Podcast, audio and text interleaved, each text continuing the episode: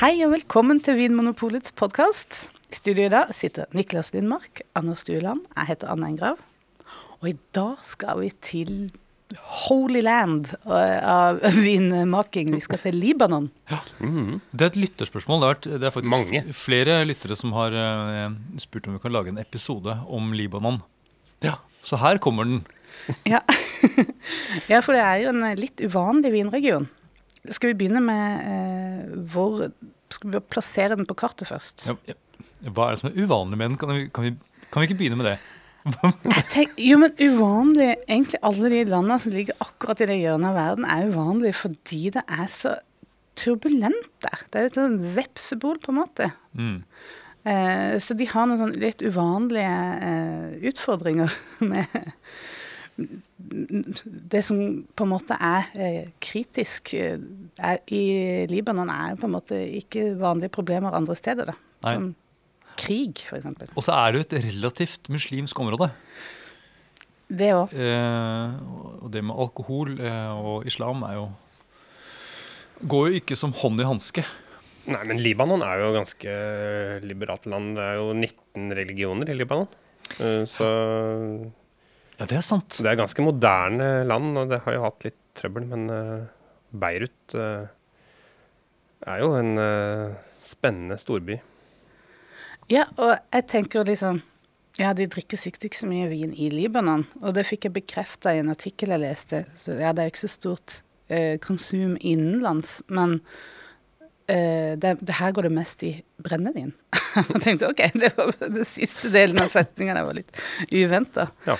Men eh, ja, det er Arak. Ja. Ja. Altså, lyst, lyst og lett har liksom ikke kommet helt uh, til Libanon ennå. Men men vi er jo i Midtøsten, da. Uh, Det er vi jo. Ja. Og det er jo da Libanon ligger ut mot kysten. Syrias kyst, kan vi vel egentlig si. Det er et bitte lite land, egentlig hele kystlinja Mm. til det som da kunne vært Syria. Og, og kyst til altså Middelhavet. Det er Middelhavet som skvalper inn mot kysten. Ja. Og med Israel eh, helt i sør. Ja. Ja. Og Tyrkia Det er en sånn liten flik med syrisk eh, kyst, og så er det Tyrkia på den andre sida. Ja, og dette, på, I den lille fliken av den syriske kysten, der har faktisk jeg badet. Nei! Der, der har jeg senket mitt legeme ned i kroppsvarmt eh, middelhav. Det, som nordmann så var det en veldig veldig rar opplevelse. Det var mye som var en rar opplevelse der, Men det å bade der og så kjenne at det, Nei, nå må jeg gå og ta meg en kald dusj For å kjøle deg litt ned. etter at jeg bada ute i sjøen. Men dette var før eh, problemene starta for alvor i Ja, Syria. det er en, en god del år siden. Og eh, det er jo også uvanlig på den måten at akkurat på disse eh, breddegradene så eh, er det ikke akkurat så mye vinproduksjon eh. Altså, det er ikke et det er så varmt at det er ikke egentlig der vi er vant til å se mye vin fra. Nei. Men det lages også vin både i Syria og Israel, altså. Mhm. Så, men eh, det er jo gjerne høyde over havet da, som gjør det mulig å lage vin av høy kvalitet. Da. Ja, fordi det blir kaldere etter hvert som man beveger seg opp i høyden. Mm. Regelen er sånn omtrent én grad per 100 meter, er det det? Det stemmer, det. Ja, og i eh, Libanon så har det jo altså vært Det er eh, kanskje den eneste vinregionen som nevnes i Bibelen. Det var blant annet der Jesus gjorde om eh, eh, vann til vin. Det er sannsynligvis i Libanon. Er det sant? Stemmer, ja. Mm. Kanan. I Bakkus-tempelet sies det også at det var der det ble gjort. Fordi Akkurat. I Libanon har de jo Bakkus Dinosus-tempelet, altså vinguden, den romerske vinguden Bakkus. Så det er det største og et av de mest velbevarte romerske templene som, som finnes. Finner du Libanon. Så vi snakker om en, en gammel eh, vinkultur, egentlig. Kanskje en av urkulturene. Urkultur. eh, fordi det er jo liksom Tyrkia, Armenia, eh, som da ligger rett nord. Mm. Eh, det er der man liksom tenker at de første kultiverte vinplantene eh, ble brukt. Og det var nok romerne, da, som eh, tok det med seg til Nei, det var mye før det. Var det mye før det? Ja, ja. for en-. For en gangs skyld så var det ikke romerne som var eh, Ja, Altså, de har funnet uh, altså, druestein, eller frø, da, som kan dateres tilbake 7000 år før Kristus. Men, så, men det er usikkert, da. Men i hvert fall fønikerne, ja, det var vel noe sånt 3000 år før Kristus. Ja, Ja. til sånn 1000. Mm. Ja. Så, og de var jo store på, på produksjon og transport av vin rundt i Middelhavet. Og de hadde liksom Libanon som, som en viktig base for vin. Ja, for de var sånn logistikkfolk, Mhm. fønikerne. De, de produserte ikke så mye, de var veldig flinke på logistikk. Eh, jeg på en måte kjøper den, frakter den videre og selger det videre. Mm. Eh, En sånt mellomledd. Smarting. Mm. Vet du hva de gjorde med, med vinen? De hadde olivenolje på De toppet vinkrukkene.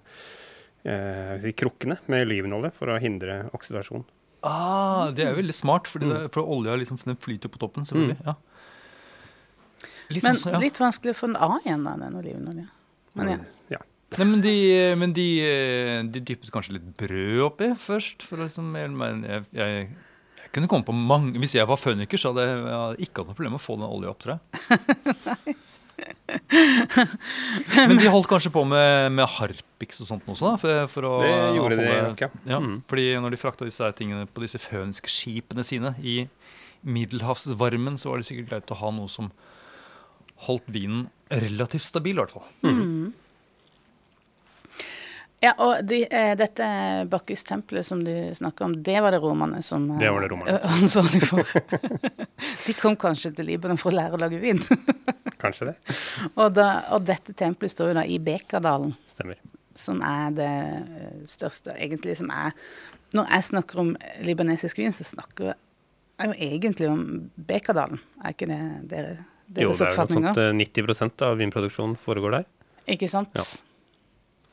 Og det er jo egentlig et, mer et fjellplatå enn det er en dal. det er litt Og- interessant. Ja. Og det er jo, som vi sa innledningsvis, at det jo, ligger jo høyt. Eh, Platt, altså selve dalbunnen, hvis vi kan kalle det, ligger på 1000 meter. Og strekker seg et stykke opp til De høyeste vinmarkene ligger vel på en 1200-1300 meter, tror jeg. Ja, for det er litt sånn misvisende å snakke om en dal når det er så høyt oppe, men det Mm. handler jo om at det er veldig store fjellkjeder der, så det er jo enda høyere fjell på hver side. der. Så Mm. det er jo faktisk en dal, det er bare at det ligger så høyt. Ja, En veldig, veldig vid udal. Ja, Mm. på en måte. En litt sånn slapp udal. Mm. Ja, så Ja. eh, her er det gode, mm, gode vekstvilkår for både druer og annen eh, jordbruksproduksjon. Ja, for det er på en måte et sånt grønt område i Libanon, der de dyrker mye grønnsaker og frukt og sånn også. Mm. Ja. Og vin, da. Men har det da vært en sånn sammenhengende produksjon av eh, vin eh, fra liksom mange tusen år tilbake eh, fram til nå, eller har det vært liksom gått litt opp og ned? Det har vel gått litt opp og ned. Det er sånn moderne vinproduksjon i Libanon. Da var det munker som etablerte vinmarker på slutten av, eller midten av 1800-tallet. Og da snakker vi franske munker. ikke? Franske munker, ja. Eh, Frankrike intervenerte vel Libanon i rundt 1860 og tok over styre og stell i Libanon. Så da ble det plantet sinså, blant annet. Nettopp. Så det var ja, nettopp. Det er liksom, man kommer liksom ikke unna munkene, for det var munker som var liksom, de har vært viktige liksom, i utviklingen av Burgund i Frankrike, og de har vært eh, liksom, blandet inn i ølproduksjon i Belgia og sånt. og De står bak mye, disse munkene. Mye Ja. ost. Ja, og ost, ja. De har til og med da hatt en finger med i spillet når det gjelder da, libanesisk vin. Ja, så mye av altså egentlig eh, de druetypene som vi kjenner nå, som fra de libanesiske vinene, er jo da egentlig franskmennene som Mm. har på en måte bestemt i sin tid. Så det er mye sånn gjenkjennelige druer. Sånn, eh, Hvilke druer er det snakker om? vi snakker om Cabernet Sauvignon. Den ultrafranske druen. Det er selve franske druer. Ja. Eh, og Carignan, Sanson, Grenache. Så det er jo liksom eh, Cabernet Sauvignon det er liksom noe jeg forbinder med Bordeaux. Og også Merlot, som de også dyrker der. Så det er liksom både Bordeaux-druer, og men også da de eh, vi kjenner fra Sør-Rån. ja, det er de eh, Carignan, Grenache, Sanson. Sanson, Syrah også. Morved, Mm. Syrah. Men også noe Tempranillo. Mm. Toriga National. Ja, ikke sant? Mm. Eh, så eh, det har på en måte Men også er det en del hvite druer også. Mm. Eller grønne, som vi liker å kalle det her i Vinpolet. Ja, det er sant. Hvitvinsdruer. Ja, og de har jo da et par sånne stedegne druer, da, som de liker å i hvert fall kalle de. Uh, Merva og Obaidé. Ja, Og Ja. det høres ut som to karakterer fra Star Wars. Hvis jeg skal få Ja. Merva ja. ja. To galaxy number one. Men, men disse har jo også da litt tilknytning til Frankrike, egentlig. For Merva Det ble jo, jeg har lest det omtalt som en slags At det mulig kan være en foreldredrue til uh, Semillon. Men uh, de fleste regner vel at det er en klone av Semillon. Ja. Og Obaidé har jeg hørt omtalt som en, eh, en s- type chardonnay, men Mm. det eh, Der er juryen fremdeles ute. Og eh, jeg har også hørt chasselas er blitt slengt på Mm. bordet, så det de har ikke helt fått identifisert det genmaterialet ennå. Men, men jeg syns jo det er litt interessant at eh, det er kanskje noen sånne rester da, fra den uh, eldgamle historien. At Mm. det er liksom Libanons egne druer. Mens eh, ellers så har den franske eh, innflytelsen eh, tatt veldig mye over. Ja, veldig. Og det, ja, for jeg tenker liksom Med lang vinhistorie så skulle man tro at de hadde et sånt vell av eh, lokale druetyper. Sånn som Georgia f.eks. har. da. Ja. Men, det, men det er ikke det, dessverre. Kanskje, kanskje de har noen sånne små rester et eller annet sted. Mm. Det står noe oppe etter en eller annen husvegg som de kan dyrke fram. Mm. Mm. Skulle ikke forundre meg om det er fremtida for Libanons vin, å å hente fram igjen denne den eh, opprinnelsen, på en måte. Mm. Men jeg skjønner litt at det er blitt sånn også, for at den der trøblete historien som de har bak seg, som er en sånn relativt fersk eh, krigshistorie, Mm. har jo tatt knekken på mye eh, industri. Også vinindustrien var jo nede i knestående lenge. Mm. Det var jo borgerkrig fra Var det fra 75? Ja. Ja, um, men uh, de fikk jo selvstendighet i 1943. Uh, og det, det har vel egentlig borgerkrig vært sånn omtrent fra 50-tallet, men det verste var vel startet vel i 75, ja. Og varte vel fram til 1990. Ja. Så, og det har vært uh, altså rett og slett vinmarkene i, uh, i Bekadalen, som jo ligger helt, nesten helt opp mot grensa til Syria. Det har jo vært midt i skuddlinjen, rett og slett. Ja. Og at det har vært årganger Altså at krig er en del av årgangsbetegnelsen. Vi er vant til å snakke om eh, klima og vær, men at det Mm. faktisk er krigshandlinger er en del av den Mm. årgangsrapporten. Det er litt Ja, Det er heftig. Ja, fordi noen av kjellerne eller eh, produksjonslokalene ligger ikke i Bekadalen, så noen av produsentene har måttet transportere druene ganske langt. Ja, helt til Beirut. Helt til som Beirut, er jo åtte mil, vanligvis. Ja. Altså øh, Men de, det er jo noen produsenter som har måttet tatt, tatt noen omveier for å få fraktet druer. De har faktisk produsert hvert eneste år, selv med all denne krigføringa. Ja. 1984 var en, eh, en veldig liten uh, Veldig liten produksjon, da. For Mm. da var det krigshandlinger i vinmarka, rett og slett. Så det ja, ble veldig begrensa. Mm. Og i 1982 faktisk så var det en, eh, en av vinmakerne til en av disse produsentene som ble arrestert av israel, eh, israelske soldater. De trodde han var spion. Så han ble fraktet til Tel Aviv og avhørt, og han insisterte på at han bare var vinmaker. De trodde jo ikke noe på han.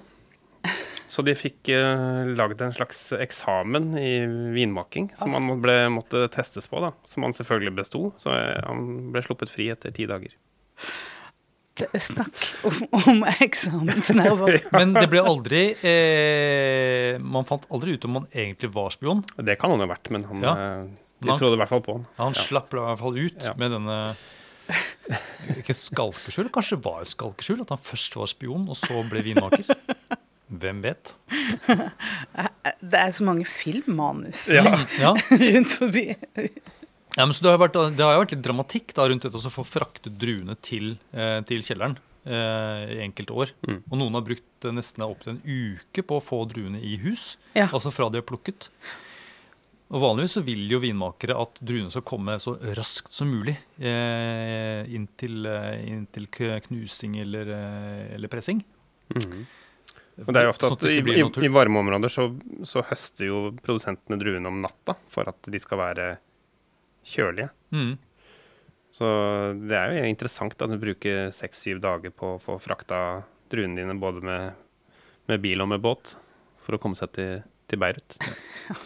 Men nå er det Hva, men hva gjør det med, med druene egentlig, og, og vinen? Hva, Nei, det er jo eh, det- er vel det at da ja, Du står i fare for at du kan både utvikle eddik, selvfølgelig, men du kan, det kan begynne å gjære, rett og slett. Ja. Eh, Hele, du, du mister kontrollen over, eh, over eh, gjæringsprosessen, fordi det begynner allerede mens du transporterer eh, druene. Ja, det er jo en, det er jo en skattkiste for mikrobiologisk aktivitet. De kan jo med sukker og eh, alt det sukkeret som ligger oppi der, så er det jo et paradis for eh, mikrober av forskjellig ulik karakter. Men altså eh, eh, Vi er altså på breddegrad tilsvarende Nord-Afrika, ikke sant? Eh, Så vi er langt sør. Eh, Det er innerst i Middelhavet. Det er lite påvirkning av kaldt hav, i hvert fall noe jeg kunne kjenne når jeg bad- bada der. Eh, Så hva er det som får altså da eh, eh, folk til å velge druetyper som blir brukt i kjølige franske vinområder? For Bordeaux er relativt kjølig. eh, Og et eh, maritimt klima i tillegg. Hvorfor, bruker de, hvorfor velger de de druene? Hvorfor velger de Cabernet Sauvignon og Merlot når de skal plante det i et så varmt område? Det er et veldig godt spørsmål. Jeg tror det handler om eh, litt tilfeldighet. Og så tror jeg det handler om at, at, det er, at Bordeaux har en sånn høy stjerne, og at du har blitt opplært i en tradisjon, og så tar man bare med seg det eh, hjem. At ikke det er fordi at det er spesielt klimatilpassa. Ja. Jeg tror ikke det handler om det, egentlig. Men så har det funka bra. Altså det er jo, uh, Vinene er jo gode. De har fått det til. Uh, så hva betyr det, liksom? Uh, betyr det at, at det er mange andre vinområder, antageligvis i Frankrike, som kunne dyrket Cabernet Sauvignon og fått det til? Antageligvis. Og så har de jo Eller måten de har gjort det på sånn Jeg har tenkt i hvert fall i Libanon er jo vel det at de har de har hatt Cabernet Sauvignon, men det er ikke nødvendigvis Cabernet Sauvignon som er stjerna. Du blander, du lager blends. Så du har et, eh, en slags verktøykasse med ulike druetyper, og så, og så blender man det. Ja, og, og, den vanlige, ja, og den vanlige blenden med Cabernet Sauvignon, det er jo da eh, Merlot først og fremst. Den Ja. typiske Bordeaux-miksen. Men det er ikke den vanlige blenden i, i, i Libanon, ikke sant? Nei, sensor spiller jo en mye større rolle enn en Merlot gjør. Eh, Du sa jo tidligere i dag, Anne, at eh, produsenter som brukte Cabernet Sauvignon som kroppen, eller strukturen, og Ja. Cinsault var eh, huden. Ja. Ja. Og så har du noe som er liksom muskler eller kjøtt innimellom, da, som kanskje grenasje. grenasje Ja. eller- Mm. Det var gøy. Ja, og så det at du, eh, du, har ikke, du har ikke med Cabernet Sauvignon nødvendigvis for aromatiske kvaliteter. Det skal være struktur, eh, mens eh, det er sensor som skal være huden. Det du lukter, da. Ah, nettopp. Det er veldig Så det er det mer veldig sånn sans, flashy. det sanselige er liksom eh, Og så er det på en måte ja, mm. Det der litt, litt uh, flashy, det, det får meg til å tenke på en, en, en vinanmeldelse uh, som er ganske berømt, uh, av Geir Salvesen i Aftenposten midten av 90-tallet. Når han anmeldte en, en libanesisk vin. Og tenk at det her er jo det er lenge siden, og, og, og vi kan godt snakke om vinanmeldelser. Det er ganske mye spesielle aromaer. Folk kjenner ikke alltid seg igjen i disse anmeldelsene. Men eh, den anmeldelsen som var da Jeg skal sitere Geir Salvesen her. For en smaksbombe. Fullstappet av sviske, daddel, varmt kjønn og kamelsvette i duften. Som et dampende harem i heten. Det, er- det her er Libanon. poesi. Ja, det er poesi. Ja, det er nesten et lite dikt. Eh, og da eh, må jeg eh, begynner jeg å lure. Eh, visste han at det var libanesisk vin? Ja, han det. Sannsynligvis. Han gjorde det for at Ja. han uh, følte at han kunne bruke de, eh, de ordene. Men den ble sensurert av desken. Gjorde den det? Ja. Ja. Men han uh, klarte å lure den inn igjen rett før trykking. Uh, så han, han har jo fått mye pepper uh, for det, eh, og som useriøst og sånn, men kan jo bare si til andre vinanmeldere Husk Blir din vinanmeldelse for 15 år siden eh, fortsatt omtalt? Så det, nei. Nei. Nei. Det er få vinanmeldelser jeg har lyst til å sitere. Ja, den gikk, eh, gikk ned i historiebøkene, den der. Ja, den virkelig. Og jeg, jeg syns jo eh, Ja, sånn som svisk og daddel, det kan jeg gjerne bruke om, om vin. Gjerne fra varmt klima. Mm. Litt sånn tørka frukt, men det har ikke hatt eh, kjønn og kamelsvette. Jeg vet ikke hvordan kamelsvette lukter, men Jeg vet ikke hvordan kjønn Ja, men altså, kam men altså kamelsvette, det kan vel ikke være så langt unna sånn type heste... En svett hest? svetthest, ja. Ja. Det lukter ting. veldig sterkt av kamel. Det vet Du har jo vært i Syria. Jeg har vært i Syria, og jeg har også, jeg har også, vært i, også vært i Sahara, faktisk. eh, der jeg har spist både rå kamelpukkel eh, og ja. Men var du i et dampende harem i heten? Da? Nei, Nei, harem har jeg da ikke noe erfaring fra. Nei. Men eh, hvis vi skal prøve å bruke våre ord, da. Hva er det en, eh, en eh, rød vin fra Libanon generelt sett? Hvordan vil dere beskrive det? Hva er det dere tenker er gjenkjennelig, hvis du skulle tatt i en blindsmaking? Og jeg tenker liksom om vi på en måte kjenner litt igjen de der samme tingene som Geir Salvesen kjente? Ja, eventuelt. Eller hva er dine assosiasjoner? Har du noen knagger, hvis du skulle liksom tenkt at her er kanskje en, eh, en libanesisk en? Ja. Hva er det i så fall du kjenner da? Det er noe veldig modent i frukta. Det er noe som minner om veldig modne mørkebær. Og så er det et innslag av noe sånn krydder. Og det er nesten dette litt sånn eksotiske Det nordafrikanske krydderpreget. Ja. Ja, faktisk. um, som får meg til å tenke på sånn eh, ja, kanel, eh, muskat og den type litt sånn varmende sånn trekrydder, som man kanskje kaller det. Mm. Em, De ja, er jo gjerne fatlagra. Ja. Mm. Og så er det Ganske høy alkohol. Ja, det er det. Ja. De er fyldige. God munnfølelse, syns jeg. Det er ikke sånn at de er sånn veldig, eh, veldig tøffe i munnen med mye tannin. Det er eh, Ja, det er nesten sånn sødmefull mykt. mm.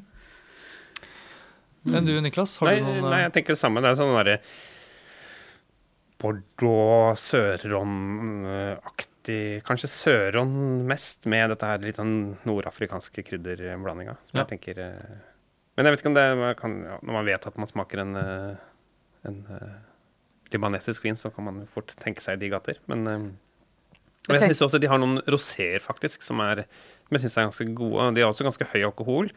De er ganske fyldige og rike roséer. Og det syns jeg passer helt perfekt til sånn type metze, Sånn uh, liksom Midtøstens tapas. Ja. Mm. Sånn smaksrik mat Mm. uten å være liksom Det er ikke den uh, Provence terrasse-roséen, men uh, en sånn matrosé, hvis man kan uh, bruke et sånt uttrykk. Ja. Nei, så det er, disse, disse rødvinene de, eh, de minner om det litt sånn sørfransk. Ja. Mm. Alt fra sånn type eh, ja, eh, Cotoran, men av, av litt sånn høy kvalitet. da. Det- Vaquera, Gigondas, Chateauneuf de Pape. eh, Ja. Men også noe litt sånn søritaliensk eh, har jeg også tenkt kan være Mm. sånn Det kan jo kanskje minne litt om. litt om noen sånn Toskana, der hvor de også bruker en sånn Bordeaux-blend og gjerne sånn Syrah. Ja.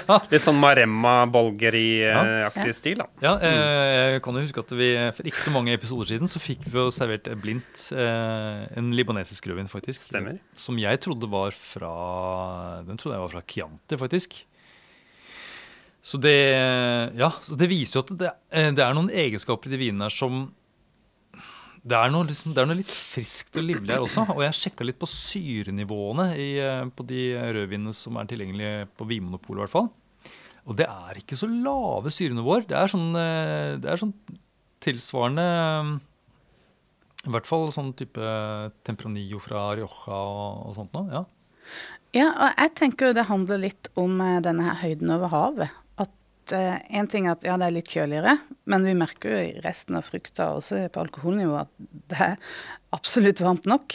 Men eh, at det blir så store forskjeller på, på natt og dag, at på så høy så mange høydemeter, da, så, det, så slipper jordvarmen lettere ut på, på natta. Det høres litt sånn science fiction ut, men det er jo egentlig ganske logisk. Det er tynnere luft, og derfor så, eh, så slipper varmen lettere da. Og når du får svingninger sånn på eh, dag- og nattestid, så, så hjelper det til med syreutvikling i druene, da. Mm. For da stopper liksom litt av eh, aktiviteten i plantene, ikke sant? Ja. Når temperaturen blir eh, Eh, ordentlig lav. Mm. Ja. Ja men Og så eh, kan det jo være noe som vi snakker om, at det er eh, eh, litt eh, at, du ikke, at du har kanskje litt eh, oksygenkontakter mellom innhøstning og, og vineri. Og at du kanskje har litt varme lokaler der du lager vinen. At det, at det kan være en snert av noen, en annen type syre som kanskje man kan kalle en liten eddiksnert. Ja, vi kaller det eddik. Noen sier Ja. volatil syre, men eh, skal vi ikke bare si det? Eddik. Litt eddik. Og jeg er, jeg er litt svak for uh, hint av eddik, faktisk, i, eh, i vin. Uh, Litt svak. Du elsker Jeg elsker det. jeg elsker det. Um, Nei, det, og, eh, men det er nok mange som er uenig i det. altså. Men jeg tenker at det er en eh, det, Av og til kan det være en, en, en fin ting. Det gir en, sånn, en liten sånn mm, herlig litt sånn snev av sånn, nesten litt sånn syltet uh, frukt som ligger i bunnen der. Og så liker jeg eddik sammen med mat. Ja, og så er det jo med den derre varme, rike frukten. Så gir det jo en Det livner jo opp hele vinen, på en måte. Det er litt som å ha litt eddik I pastasausen eller whatever. Men faktisk, når vi snakker om uh, hvordan uh, libanesisk vin lukter og smaker, så er faktisk øh, libanesisk vin omtalt i Bibelen, i Det gamle testamentet, og omtales spesielt for sin øh, fantastiske duft. Akkurat. Men det står ingenting om svett kamel. Ikke svett kamel, ikke neglelakkfjerner heller. Ikke, ikke noe varme kjønn eller hva det var. Mm, Ja, nettopp. Men er det noen, eh, noen sånne typiske ting som libanesiske vinmakere gjør? Har de en sånn en måte å lage vin på som er spesiell for Libanon? Eller er- lager de vin som Jeg tror vi må ta med i beregninga at da når borgerkrigen slutta i 1990, så var det bare var det fire produsenter. Det var syv. Syv. Ja, veldig få produsenter i, i Bekadalen igjen. Ja. Og at det har økt, så nå er vi oppe i kanskje sånn 50. 50, kanskje Ish. til og mer. Og at det har jo vært noen produsenter som har vært veldig ledende for utviklinga av, av moderne libanesiske vin. Jeg tror eh, det også da handler litt om hva som var eh, mote, på en måte, eller trender rundt 1990-tallet.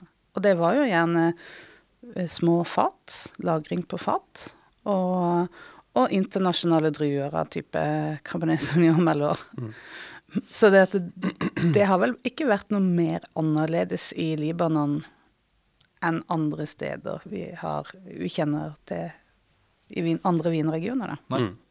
Men jeg tror også at noen av de produsentene som på en måte har virkelig satt Libanon på kartet, de har på en måte eh, på en måte lagd eh, en slags eh, Sånn skal libanesisk Eller i hvert fall kundene forventer kanskje at sånn skal libanesisk vin smake. Og det har kanskje gjort det litt vanskelig for eh, andre vinprodusenter å, å lage en annen stil. Men nå er det også pinot noir fra Libanon som lages, så jeg tenker at det kan bli spennende å se hva Libanon blir framover. Da. For det, det er jo ikke bare Bekadalen. Uh, man har jo også Batron og Jazin, som er to andre områder som liksom er liksom up and coming. Så jeg tror det er spennende å følge med på Libanon fremover. Absolutt. Og noen av disse her eh, mest kjente eh, vinprodusentene eh, fra eh, Libanon har jo Flere av de som har det er Kanskje de to mest anerkjente, eller mest omtalte, døde jo tidlig på 2010-tallet. Så det at det er en ny generasjon som er i ferd med å ta over, og, og en ser jo kanskje det at den lyse, lette trendene er i ferd med å ta over. At Sensor kommer inn som en sånn at er det det som er den egentlige libanesiske drua? Er det det som kan uttrykke essensen av libanesisk vin, da? Det er kanskje den som man satser på. I tillegg til rosé. Og hvitt. Vi har ikke snakka om Nei. hvitt. Hvite viner i Jeg skal ikke si jeg har ikke smakt så veldig mange. Uh, og det, vi, vi har jo brukt libanesisk vin en del, for vi gjør jo mye sånn mat- og vinsmakinger her på huset. Og vi har jo brukt det fordi det har vært mulig å få tak i ganske utviklet hvitvin uh, fra Libanon. Uh, men hva smaker Obaidé og Merval, egentlig? Kanskje jeg kan bruke sånn utviklet Bordeaux som en slags sånn referanse? Mm. Eller en litt sånn hvit Rioja stil. Ja, kanskje Ja. hvit Rioja, Mm. egentlig. Ja. Litt Ja. sånn rik eh, igjen, da. Det er Mm. varm, fått utvikla mange aromaer i druene, så det er ganske sånn svær vin, ganske høy alkohol, sånn for hvitvin å være. Mm. Men ut, utviklet hvit libanesisk vin og bacalao, Ja, fantastisk. Der har vi det. Mm. Det er litt, litt corny egentlig å lage en episode om et, et vinland som Det er jo ikke spesielt stort. Det er et ganske lite land. Ja. Arealmessig, hvor, hvor er vi igjen? Sånn størrelses... Stor-Oslo. Eh, Tilsvarende Stor-Oslo, ja. Ja. Og det er snakk om eh, kanskje litt over 50 produsenter, bare. Mm. De produserer 7 millioner flasker. Ja. Til sammenligning med Bordeaux produserer 600 millioner flasker. nå. Ja. Og i eh, champagne så er det flere tusen produsenter. Altså det, det blir jo litt sånn Ja, det er vel Ja. kanskje det at de har nesten Altså, de har eh, eksportert veldig mye, da. Så det har vært på markedet vårt eh, ganske lenge, på en måte. Men det er noe litt sånn, det er dette litt eksotiske. Det er noe litt, litt ekstreme som jeg tenker er eh, Som vinfolk eh, blir liksom litt tent av. eh, At det er noen ekstreme forhold. Dette her med den borgerkrigen f.eks. som har skapt eh, utfordringer eh, og sånt noe. Ja. Og det med krigen i Syria også. Altså de, det bor vel noe sånt 4,5 millioner mennesker i, i Libanon. Og de har jo nå én million flyktninger fra Syria. Ja, tenk det. Og um, ja. Ja, det er jo eh, tøffe tak. Det er jo bare syv mil fra Bekadalen til de tidligere ISIL-dominerte områdene Mm. i Syria. Så det er jo De er vant til å jobbe under, under ekstremt press. Det må jeg si. Mm. Jeg er imponert over den eh, altså stayerevnen de har til å bare holde på. Stemmer det at de bruker beduiner som, eh, som, som pluk, plukkere? Ja, nå bruker de kanskje flyktninger, da. Men, eh, men beduiner har vært sånn eh, fast eh, innhøstningsmannskap som har kommet og lagt ruta si innom Bekadalen under innhøstninga. Ja, det er litt kult. Ja, for Man trenger jo folk som er flinke, som er liksom drilla, og som får jo gjort jobben på en god Mm. måte. Ja, og så det jeg også det er litt kult det at du har eh, De har på, på en måte markedsført Libanon, eller Bekadalen egentlig. Du har ikke noe sånn appellasjonssystem. Og det eh, var det noen som ble spurt om her finnes det ikke noe appellasjonssystem. Og der var det en sånn eh, litt sånn Libanon-ekspert, altså li libanesisk vinekspert, som sa det at det, det er jo, har jo vært mye planer, og det ligger sikkert i en eller annen fil på et sånn ministerkontor. Men eh, vi har litt andre ting vi må konsentrere oss om først.